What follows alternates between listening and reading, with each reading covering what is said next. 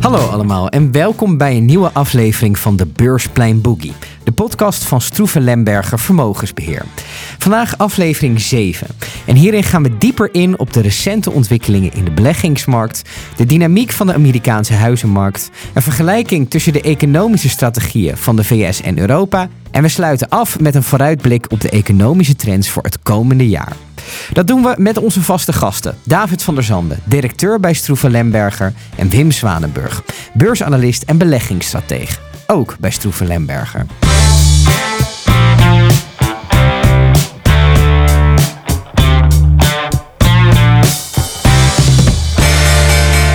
Um, heren, fijn dat we weer uh, samen om tafel kunnen zitten. Um, we gaan natuurlijk terugkijken en vooruitkijken, zoals we dat doen in december. Um, laten we beginnen met het positieve beleggingssegment. Laatste kwartaal, uh, mensen zijn blij. Ja, zeker. In het vierde kwartaal zijn de markten uh, heel sterk hersteld. Aandelenkoers omhoog, obligatiekoers omhoog en de rentes omlaag. En eigenlijk de enige categorie die achterblijft dit jaar, dat zijn grondstoffen. Die zijn, uh, die zijn gedaald. Uh, maar eigenlijk alle andere categorieën. Ik heb het staatje hier voor me liggen. Hè, dus aandelen, obligaties, vastgoed. Die hebben het allemaal echt heel goed gedaan. Zie je er nog verschillen tussen, tussen die drie categorieën? Ja, nee, aandelen hebben verreweg uh, de sterkste resultaten laten zien. Dus Europese aandelen en Amerikaanse aandelen. Japan heeft het ook goed gedaan, maar in euro's Uh, bleef er toch wat, wat minder over, maar nog wel dubbele cijfers. Ja, nog ter aanvulling. Uh, afgelopen kwartaal, dus het vierde kwartaal van 2023, uh, dan zie je wel dat het na oktober echt ja. enorm keert. Want oktober was eigenlijk nog een negatieve maand. Mm -hmm. En toen veranderde het, het rentebeeld. Ja. En dat we over de hobbel heen waren en dat de inflatie ging dalen of verder daalde. Dus dat heeft het sentiment heel positief beïnvloed. Ja, want hoe heeft, die, uh, hoe heeft de Amerikaanse economie toch aanzienlijke groei kunnen realiseren? Nou, de bestedingen die zijn op peil gebleven. Dat zijn de consumenten, consumptieve bestedingen, de detailhandel verkopen. Mensen hebben een hele hoge inkomenszekerheid, want de werkloosheid is laag. En af en toe hoor je wel over de ontslaggolven, allerlei organisaties. Maar de werkloosheid die zit nog steeds tussen 3,5 en de 4 procent. Het recessiescenario, wat iedereen gevreesd had, bijna iedereen aan het begin van het jaar, dat is verder naar de horizon verschoven. Of helemaal weg. Hè, en uh, de Fed heeft dus op de rem getrapt, heeft de beleidsrente omhoog gestuurd. En heel vaak is er dan ook een vrees voor de recessie. Dat het medicijn wat de Fed hanteert, uh, of het feit dat ze het rempetaal indrukken, dat dat zodanig tot afkoeling van de economische activiteit lijkt dat uh, een oplopen van de werkloosheid onvermijdelijk is. Ja. Uh, dat is nu niet gebeurd. Dus um, nou, de bestedingen zijn op, uh, op peil gebleven. En over het afgelopen derde kwartaal, dan kijken we alleen maar naar een kwartaalcijfer, maar dan werd het zelfs nog naar boven toe bijgesteld. Zelfs 5,2 procent. Ja. De, de groeiruimingen over het hele jaar en over uh, volgend jaar, die liggen echt, uh, echt lager. Maar er was toch nog zo'n uh, momentum. En voor de rest, ja, wij verbazen ons ook wel eens dat die Amerikaanse economie toch zo veerkrachtig en flexibel is. Om ook tegenslagen op te vangen. Veel geopolitieke onzekerheden, daar trekken de Amerikaanse consumenten zich vaak niet veel van aan. In het begin van onze discussie zagen we hoe de beleggingsmarkt een significante opleving heeft meegemaakt. Met een sterke stijging in aandelen en obligatiekoersen. Nu gaan we dieper in op welke specifieke sectoren en regio's het meest hebben geprofiteerd van deze ontwikkeling. En wat dit ons kan vertellen over de richting van de markt in de nabije toekomst. En dan te beginnen met um, de Amerikaanse huizenmarkt. Want wat is de impact van de huidige staat van de Amerikaanse huizenmarkt op de economie? Nou, de huizenmarkt, als we kijken naar het aantal uh, transacties, uh, aantal uh, nieuwe in aanbouw zijnde huizen en zo, aantal vergunningen, dat loopt echt enorm terug. In Amerika gelden een beetje specifieke condities dat hypotheek eigenaars of woningbezitters kunnen niet hun oude hypotheek meenemen. Je moet het echt oversluiten opnieuw en dan tegen veel hogere rente. Ja. Dus daar zit niet een prikkel in om te verhuizen of om je huis te koop aan te bieden en maar een mooie nieuwe groter huis uh, te kopen. Want dan zal je rentelast bij het uh, overzetten, uh, het opnieuw afsluiten van de hypotheek ook enorm stijgen. En ja, dat betekent ook dat het aanbod heel, heel krap is. Mm -hmm. Dus de huizenprijzen die hebben zich heel goed gehouden. Maar ja, het aantal transacties en het bouwvolume en zo, dat is wel enorm teruggevallen. En dat heeft per saldo wel een licht negatief effect op de Amerikaanse economie. Want ja, een, een nieuwbouwhuis, dat is vaak een hele keten van een transactie. Ja. Dan wordt ook een nieuwe badkamer, een nieuwe keuken ingedicht enzovoort. Dus dat noemen we in economentaal de multiplier. Hè? Dus de ene besteding die werkt nog door in andere sectoren en segmenten van, van de economie. En die is nu gewoon even afwezig. Ja. En kijken ze ernaar hoe ze dat wat meer kunnen stimuleren? Of? Nou, als de rente weer uh, zal dalen en... Uh, nou, uh, het is natuurlijk de Amerikaanse centrale bank die de geldmarktrente vaststelt. De kapitaalmarktrente is indirect daar een afgeleide van. Uh, en ook bijvoorbeeld de hypotheken, uh, die worden door de banken verstrekt. En bijvoorbeeld een 30-jarige hypotheek, die was zelfs tot boven de 8% mm. op, opgelopen. Nou, ver boven de niveaus van twee, drie jaar geleden. Ik denk wel dat die gewoon weer wat gaat dalen als die kapitaalmarktrente ook daalt. Als de banken zichzelf weer wat goedkoper kunnen financieren. maar zo wordt dat indirect aangestuurd. En als de Fed aankondigt we gaan de rente verlagen, dan heeft dat uiteindelijk ook wel een effect. Ja. Maar voordat we weer op dat niveau zijn, dat, duurt het uh, nog even. Dat gaat nog wel even duren. Je noemde uh, het Amerikaanse bankwezen. Um, er zijn een paar regionale banken um, omgevallen. Um, hoe stabiel is het bankwezen in Amerika? Ja, wat je in Amerika regionale banken noemt overigens. Regional zijn banks. hier gewoon... Uh... Dat zijn echt hele grote jongens ja. toch wel. Maar nog even de namen: hè? Silicon Valley Bank, Signature Bank en First Republic. Dat was in maart. Die vielen om omdat uh, de rente heel sterk opliep. En uh, dat had grote effecten op hun balansposities, op de obligaties die zij hadden aangekocht. En dat leidde tot wantrouwen bij depositohouders. Die obligaties waren eigenlijk niet zo verkeerd, maar dat hangt af van de waardering. Maar vooral die vertrouwenskwestie, die speelde ja. heel erg. En uh, met een bankrun, dat kan tegenwoordig digitaal. Eén bank die is ook tijdens het weekend failliet gegaan. Het kan gewoon met een druk op de, op de knop. Je hoeft niet eens meer in de rij te staan zoals dat vroeger het uh, geval was. Maar uh, de bankencrisis is heel snel uh, bezworen door ingrijpen van uh, de centrale bank ook. Die heeft geldmarktinjecties gegeven. Die heeft alle banken die dan ook even onzeker zijn over de financiering nog extra fundingmogelijkheden gegeven. Dat is één. En er is ook een hele grote bank, JP Morgan. Die heeft zo'n een zo'n bank die potentieel om zou vallen overgenomen. Waardoor zeg maar het domino-effect niet is opgetreden. Ja. En tegelijkertijd hadden we in die tijd ook nog uh, Credit Suisse, Europese bank, maar één die wereldwijd ook in Amerika actief was. Die viel ook om. Ook daar was de kwestie van vertrouwensverlies.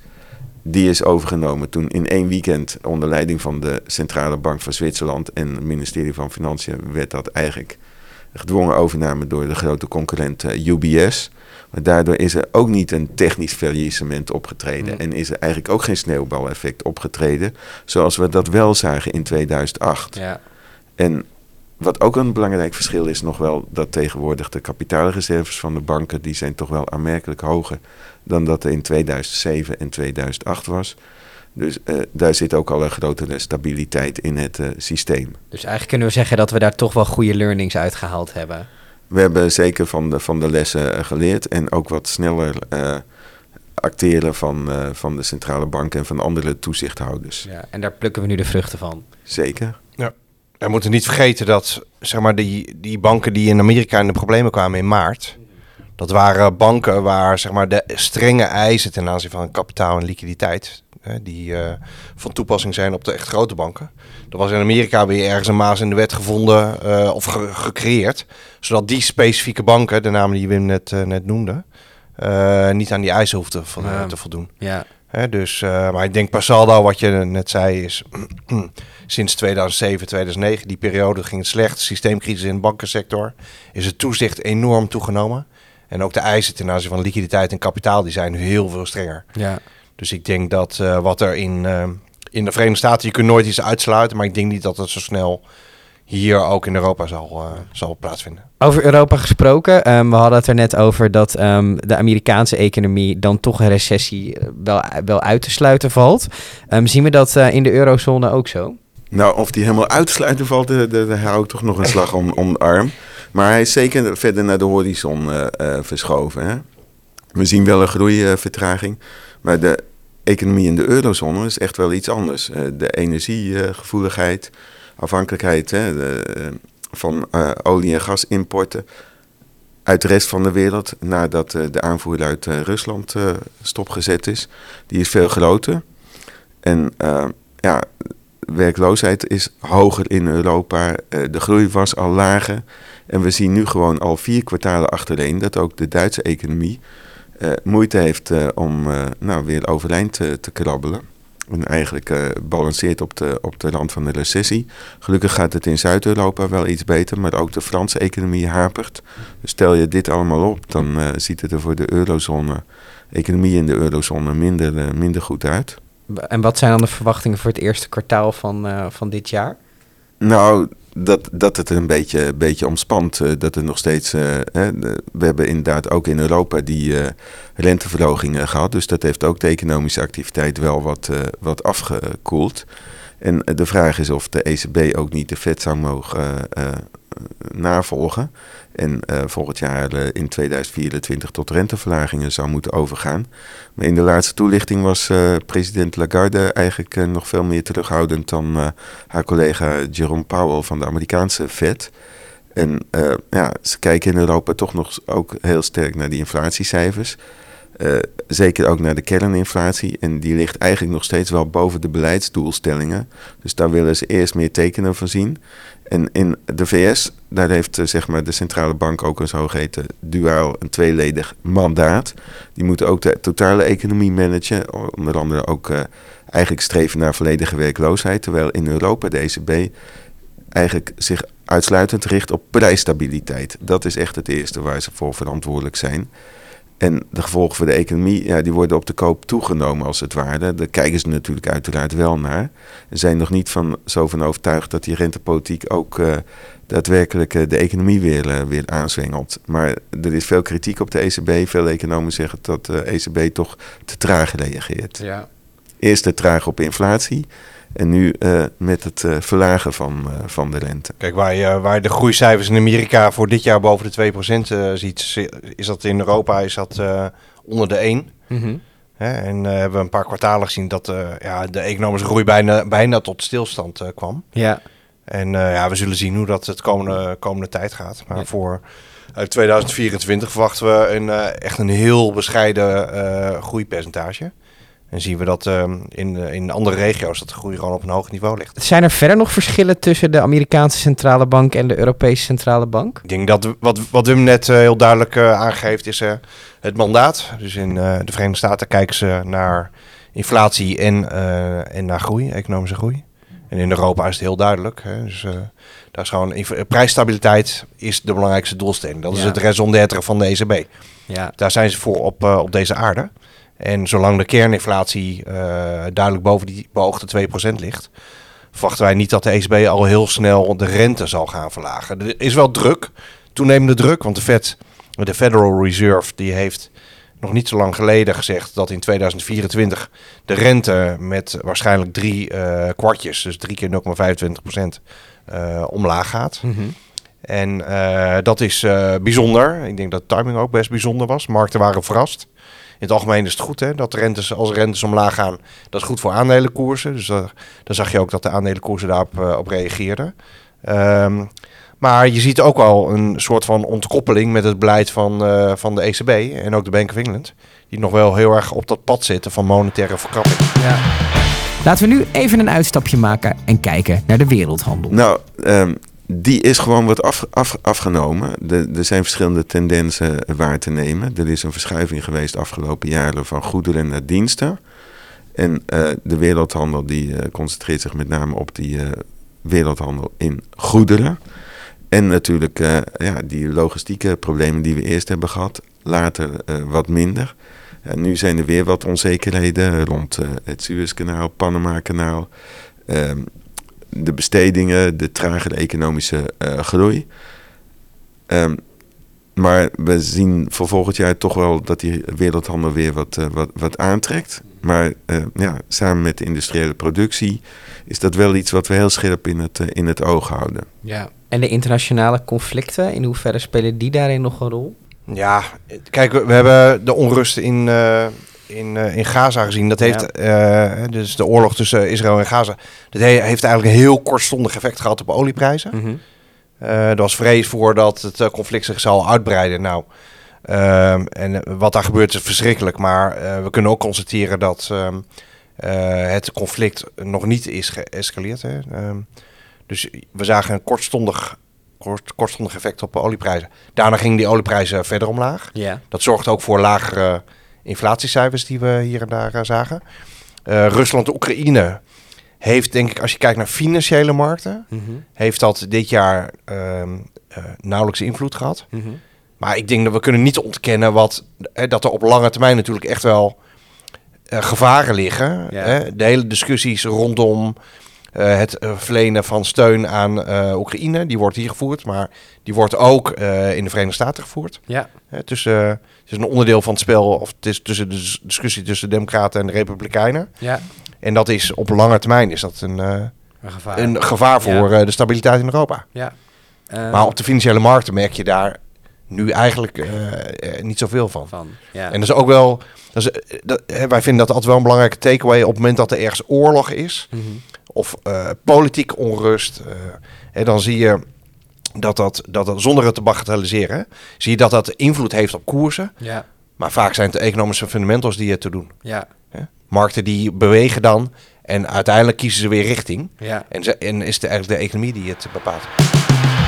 We gaan door met de huidige renteniveaus. Zijn de renteniveaus aantrekkelijk genoeg als alternatief voor aandelenbeleggingen? Wij zijn, wij zijn best wel verrast door wat er in de afgelopen weken is gebeurd, ook in Mhm. de kapitaalmarkt. Hè. Als je kijkt naar de, de lange rentes, dus de tienjaarsrentes. Ja.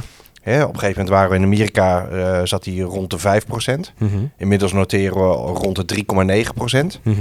Eh, Duitse tienjaarsrente boven de 3. Inmiddels nu onder de 2% weer. Dus we hebben een heel kort tijdsbestek gezien dat de kapitaalmarktrentes, de tienjaarsrentes, eh, best wel stevig zijn eh, gedaald. Ehm, terwijl we vorig jaar, en dat kwam ook door eh, het inflatiebeeld, zagen dat de rentes juist eh, sterk opliepen. Ja. Dat zagen we ook in de loop van het jaar, zagen we ook verder opwaartse druk op die rentes. Wat wij ook wel, en daar hadden we ook wel rekening mee, mee gehouden.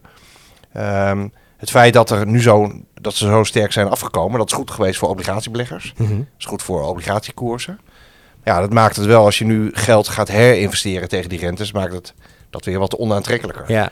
En wij denken zelf dat op lange termijn, met name in Europa ook, dat die lange rente toch wat verder omhoog zou moeten. Ja. Want je wil als belegger enerzijds een compensatie hebben voor je inflatie. Ja. Hè, en de ECB stuurt op 2%. Momenteel is die hoger, maar op lange termijn hopen ze op die 2% te komen. En dan wil je ook nog gecompenseerd worden voor de tijdswaarde van geld. Ja. Dus het feit dat de Duitse 10-jaarsrente nu rond de 1,9, dat vinden wij nog steeds eigenlijk te laag. Ja. Zijn alle redenen waarom die op dit niveau zit. Mhm. Uh, maar ik denk dat voor de, zonder een puntschatting te geven, dat we voor de komende jaren houden we rekening met opwaartse druk. Met hogere, hogere rentes. Ja. Ehm, wat betekent de recente uitspraak van de voorzitter van de Amerikaanse Centrale Bank ehm, over dalende beleidsrente eh, voor de strijd tegen inflatie? Nou, ik denk dat, dat um, als je het hebt over de strijd tegen inflatie, uh, de, de, centrale banken hebben daarop geacteerd Mhm. door rentes te verhogen. Ja.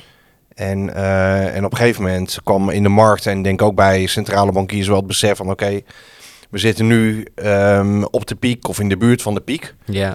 Ja, we kijken als analisten, kijken we daar ook continu naar. En er zijn ook signalen geweest die erop duiden dat zo op een gegeven moment... Nou, sterker nog, ze hebben gewoon gezegd voorlopig gaan we niet verhogen. Mhm. Ja, dus we hebben een tijdje gezien dat in de vergaderingen van de FED en ook de ECB...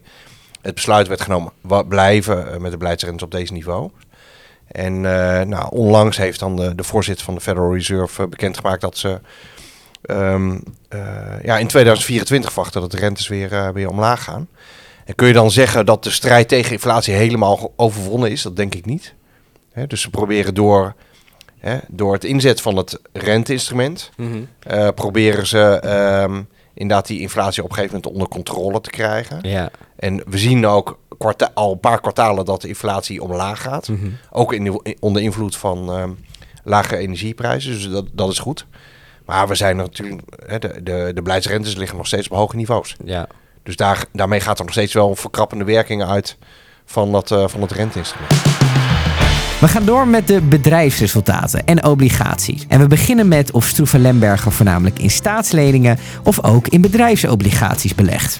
Wij, beleggen in staatsleningen en bedrijfsobligaties. Eh, en, eh, en ook in hoogrenderende obligaties en in hypotheekobligaties. Dus in allerlei soorten obligaties. Maar staatsobligaties zijn ehm, een onderdeel van de portefeuilles.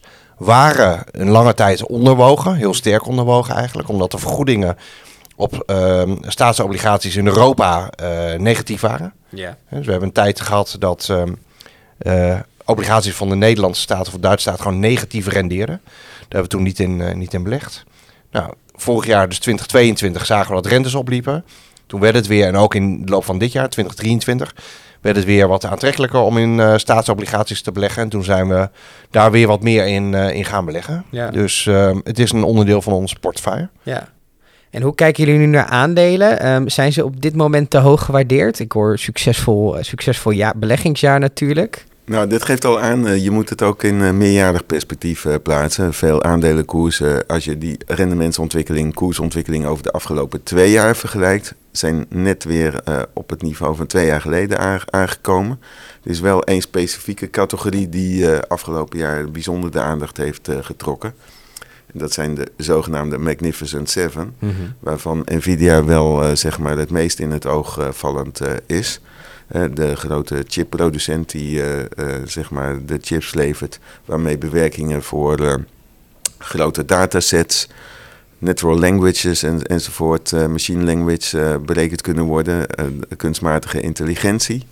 Het is zo ingewikkeld dat ik het nauwelijks kan uitspreken. maar die chips zijn zo complex en er is één leverancier die daar eh, zeg maar een hele duidelijke marktpositie in heeft. En eh, dat is Nvidia. Maar ook eh, Microsoft, Google, Alphabet, dat zijn aandelen, technologie aandelen die hebben geprofiteerd. Als je kijkt naar de afgelopen twee jaar, dan is het goed dat we nu het verlies hebben weggewerkt van, de- van, de, van het vervelende jaar 2022. Dus terwijl de winsten per saldo van veel bedrijven toch wel gestegen zijn. Dus dat betekent dat de waarderingen eigenlijk niet echt enorm zijn opgelopen. Ja. En eh, je moet dat dus eh, niet altijd in, eh, in eenjarig perspectief, maar in langjarig perspectief kijken. En ook als wij dus aandelen vergelijken met obligaties en potentiële rendementsontwikkeling, dan blijven aandelen toch wel onze favoriete categorie. ja. Dus ze zijn niet echt overgewaardeerd, zeg je. Echt overgewaardeerd eh, eh, niet. En eh, we zien ook dat bovendien bij de bedrijfsresultaten het winstmomentum, dus van kwartaal op kwartaal en dan vergeleken met een jaar eerder, dat dat weer toeneemt.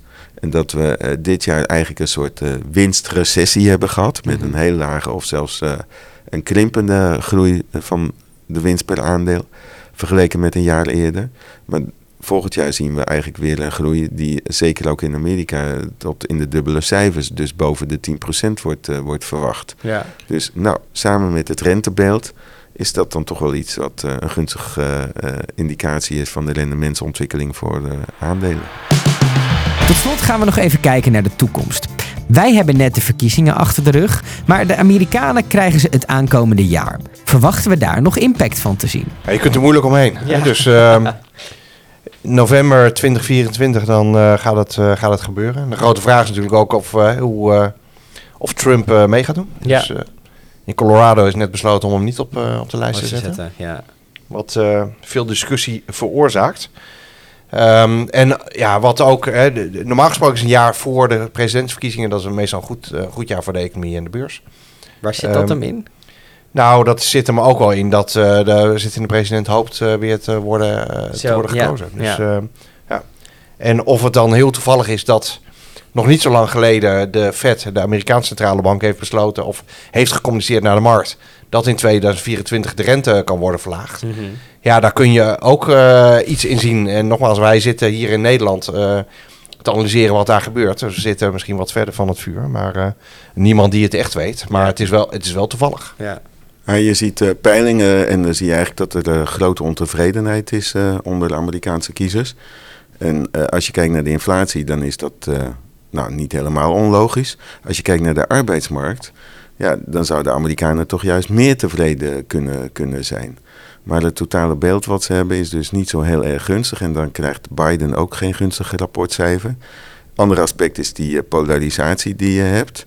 regeringswissel creëert altijd weer onzekerheden. En Trump heeft natuurlijk een aantal uitlatingen gedaan in het verleden over ja, de samenwerking met Europa, zijn positie ten opzichte van, van China.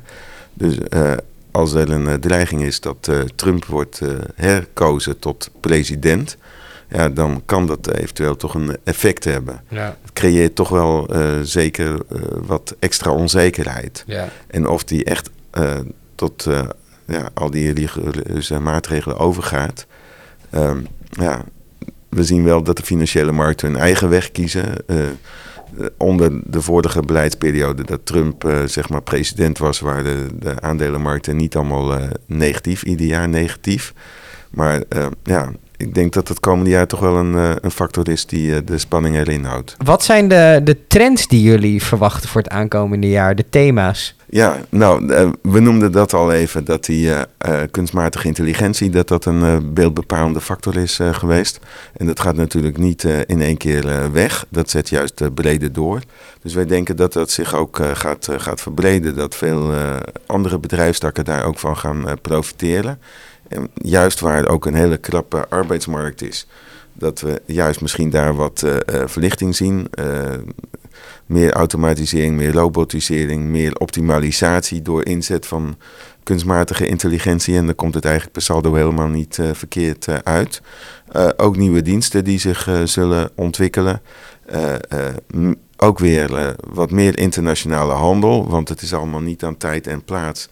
Uh, gebonden hè, als het uh, kunstmatig wordt, uh, wordt ingezet.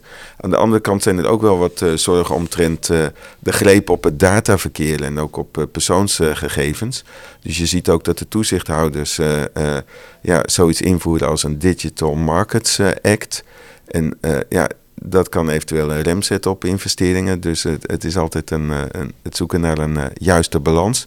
Maar de trend van digitalisatie en inzet van uh, artificial intelligence enzovoort, dat zal zeker uh, doorzetten.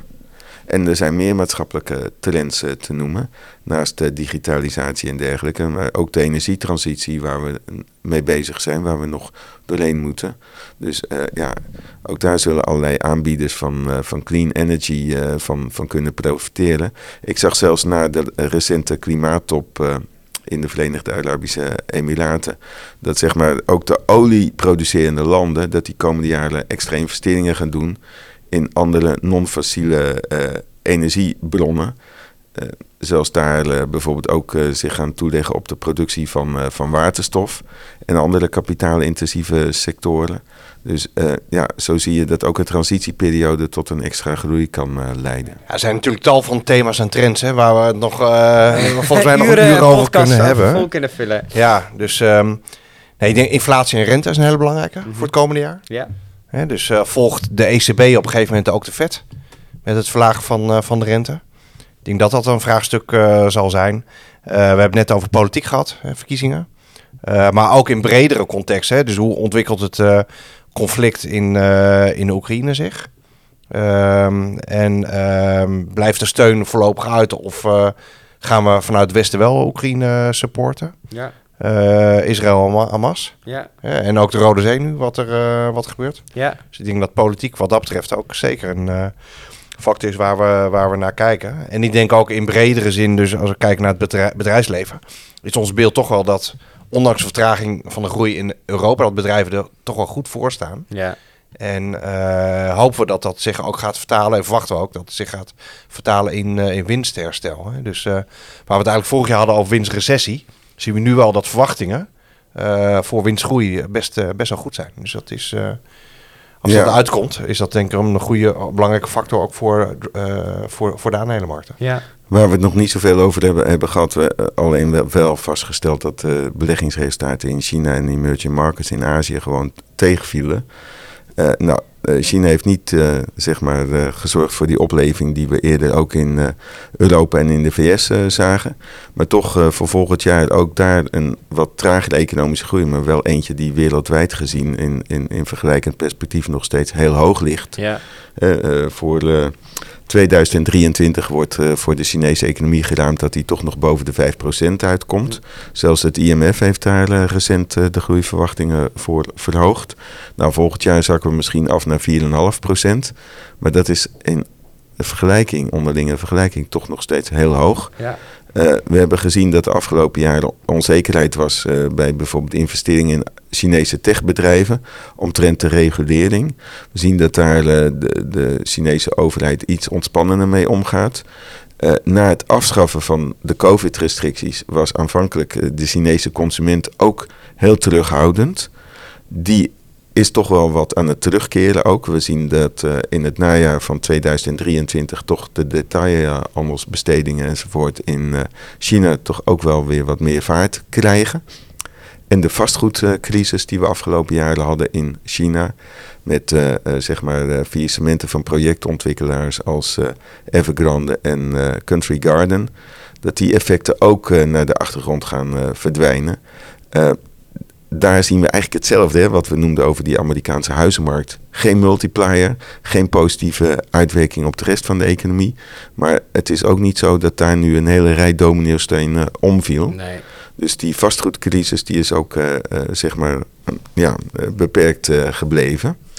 En nou, ik, denk dat China dus met die hogere economische groei en met een aantal andere zaken toch ook redelijk aantrekkelijk is. We zien bijvoorbeeld ook als we kijken naar bedrijven, dat Chinese autoproducenten het zelfs ook beter doen dan bijvoorbeeld Duitse autoproducenten. Ja. Dus wereldwijd ja, kunnen ook beleggingen in Azië en in China nog wel aantrekkelijker blijven. Tot zover aflevering 7 van de Beursplein Boogie. Alles wat we vandaag hebben besproken en nog veel meer kunt u teruglezen in de kwartaalvisie. En deze is te vinden op www.stroevenlemberger.com. Bedankt voor het luisteren, fijne dagen en graag tot volgend jaar.